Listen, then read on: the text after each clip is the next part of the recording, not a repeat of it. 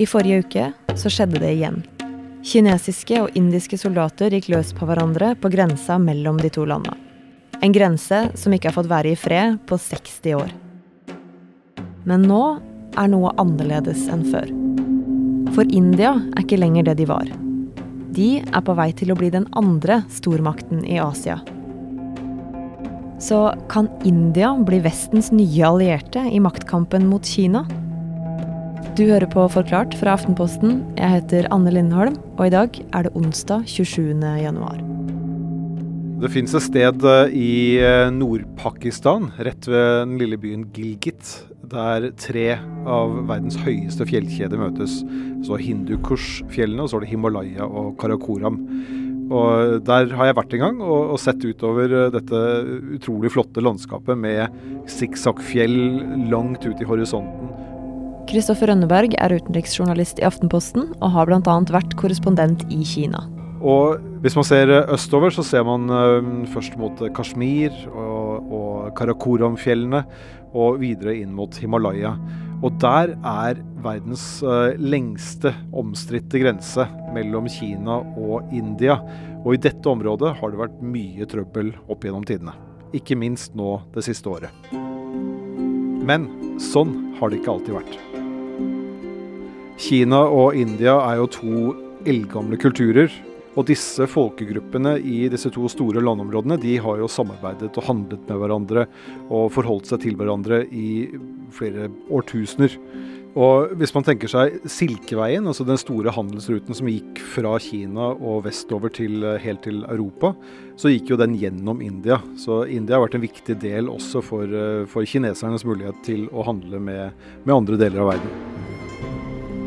Også i mer moderne tid hadde India og Kina et godt forhold. De var på samme side under andre verdenskrig og samarbeida mot Japan. Og etter krigen så skulle forholdet bli enda bedre.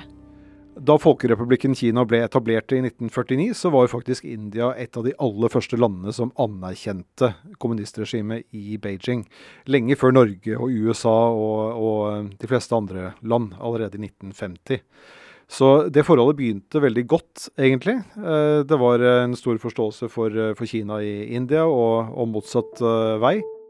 Men så skjedde etter ganske kort tid noe som skulle endre forholdet mellom Kina og, og India.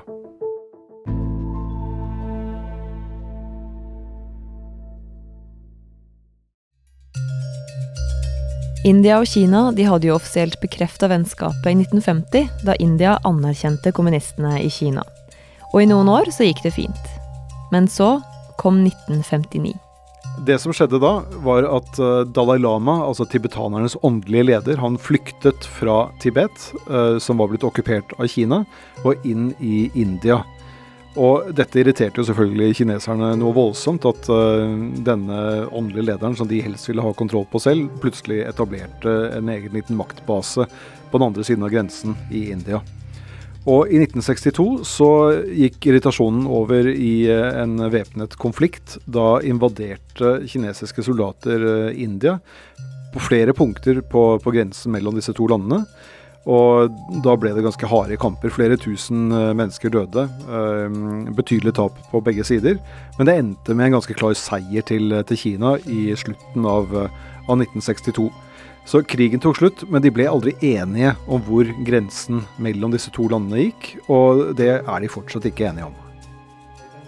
For i tiåra etterpå så har den konflikten ligget og ulma, og noen løsning har de aldri funnet. Det har blussa opp igjen flere ganger, noen ganger med mindre kamper på grensa. Men samtidig, i løpet av disse åra, så blir India stadig viktigere internasjonalt. De siste tiårene har vi sett en kjempevekst i India på alle mulige måter. Eh, både når det gjelder folketall. Eh, I 1999 så ble de over en milliard innbyggere, og nå er de faktisk nesten 1,4 milliarder. Så etter Kina så er det verdens nest mest folkerike land, og kommer til å gå forbi dem om ikke så lenge. Og så ser vi også at India har vokst kraftig når det gjelder økonomi og, og, internasjonal betydning. Ikke minst kanskje det siste tiåret. Eh, de byene som vokser raskest, og som er mest innovative for tiden, eh, det er byer i India. Så India er på god vei til å bli ganske viktige internasjonalt, da? Ja, Hvis man ser på denne utviklingen da, som har pågått uh, spesielt det siste tiåret, så er det jo ingen tvil om at India lett kan bli en ny stormakt, kanskje til og med en supermakt. Men Hvordan påvirker India sin nye posisjon forholdet til Kina, da? Kina har jo en voldsom selvtillit for tiden. De har blitt veldig sterke økonomisk. De har kommet seg glatt gjennom pandemien mens alle andre ligger og kaver. Eh, så de har vist det siste året at de eh, veldig gjerne vil ta en større posisjon i, eh, i, på verdensarenaen. Men det er klart, det har jo India også lyst til å ha. Så de føler seg jo truet av, av Kinas vekst. Og samtidig så ser vi at kineserne også er litt urolige for at denne stormakten vest for Kina kan bli større og, og sterkere. Og, og, denne gnistningen da, mellom to, to, stormakter på vei opp, den bidrar til at, at, man ser en del konflikter som tårner seg opp. Noe av det er økonomisk, og andre ting er, er militært. Og militært så smalt det på forsommeren i fjor. Da bryter det nemlig ut kamper, de verste på 45 år. India lost at least 20 men in the bloodiest clash in four decades. Monday, Indian and Chinese soldiers fought on disputed land using stones and bamboo poles. I flere uker i forkant har det vært amper stemning, og en mandag midt i juni så blir det kamper med køller, steiner og knyttnever. For Kina og India lar nemlig være å sende soldater med skytevåpen for å ikke legge opp til mer eskalering. Men likevel så dør det 20 indiske soldater denne mandagen. I ettertid så har ikke Kina sagt noe om eller hvor mange av deres soldater som ble drept, men ifølge det indiske militæret så døde det også kinesiske soldater.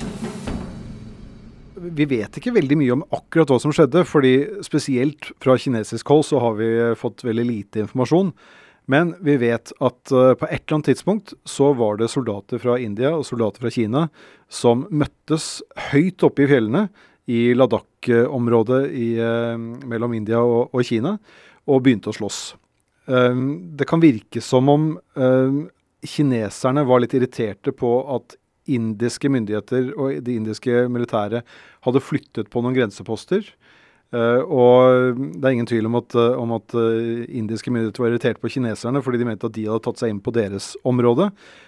konklusjonen var i hvert fall at de møttes høyt oppe i fjellene, begynte å slåss. Og det høres jo nesten uskyldig ut at soldater begynner å slåss uten våpen, men det, det var jo faktisk dramatisk nok, og 20 personer endte opp minst som døde etter denne, denne kraftige slåsskampen. Og etter dette basketaket så, så, trakk partene seg eh, fra hverandre, og da var det kineserne igjen, akkurat som i 1962, som, eh, som eh, endte opp med, med, overtaket. De sitter nå med faktisk så mye som 1500 kvadratkilometer landjord, som de ikke hadde for et år siden, eh, pga. Disse, disse kampene. Og så, i forrige uke, så blussa det opp enda en gang. Nå i den andre enden av grensa. Det ser ikke ut til å ha vært like kraftige kamper som det var i fjor sommer. Eh, det er ikke meldinger om at eh, noen har dødd, men det viser jo nok en gang at eh, denne grensen er et problem. Ikke bare for Kina og, og India, men også for resten av verdenssamfunnet. At man har denne 3500 km lange grensen, hvor disse to stormaktene ikke har klart å bli enige om hvem som eier hva. For flere land i Vesten, altså USA og land i Europa, har blitt bekymra over måten Kina har utvikla seg på i det siste what we've seen over the last uh, few years is that China's growing more authoritarian at home and more assertive abroad. Det er nok mange i Vesten som uh, har stor interesse av at India skal bli sterkere, ikke minst som en motvekt til Kina.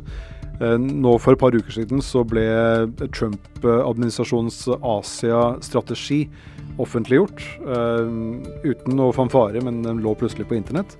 Og Der ble det sagt helt åpent at, eh, at, de så for seg at India skulle bli en motvekt til Kina. Og Jeg tror ikke at Biden-administrasjonen kommer til å ha en eh, annen tilnærming enn hva Trump hadde på dette her. Det, det er klart India er et demokrati, verdens største demokrati, og, og vil være en god alliert i, i den konkurransen med Kina som blir stadig mer intens. Så India kan rett og slett bli en ny alliert da, for Vesten? Det er helt uh, tydelig at det er noe som er i Vestens uh, interesse, og noe man uh, ønsker å utvikle i forholdet til, til, India.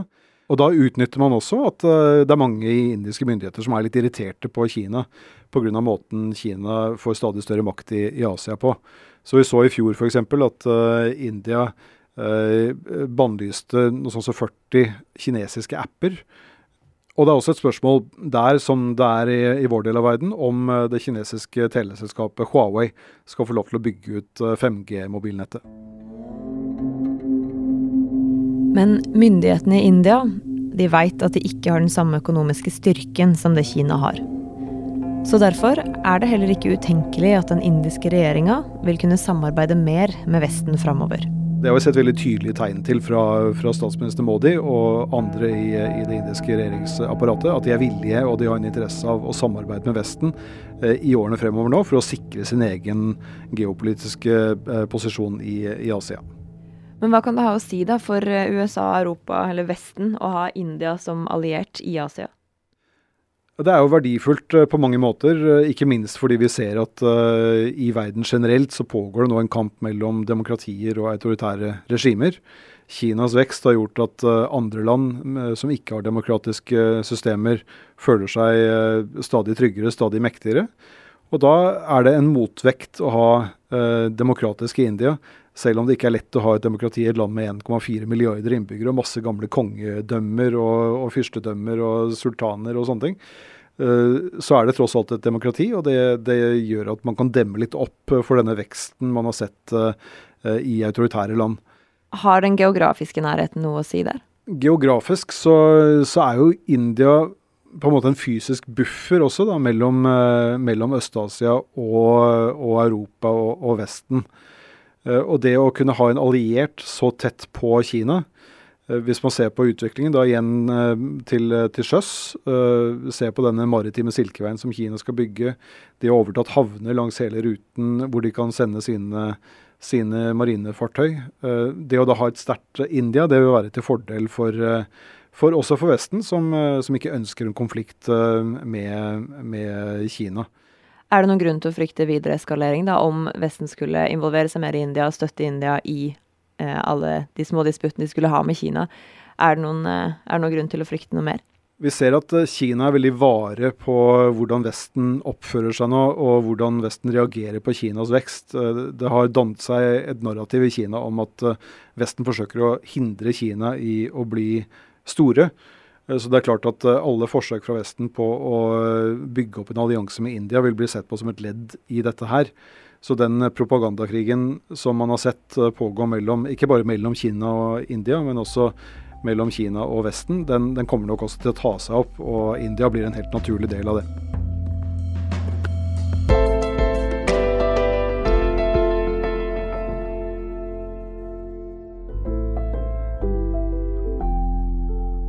Denne episoden er lagd av produsent Ina Swann og meg, med hjelp fra Nikoline Mevasvik Haugen. Resten av Forklart er Caroline Fossland, Marit Eriksdatter Gjelland og David Vekoni. Du har hørt lyd fra CNN og nyhetsbyrået AP.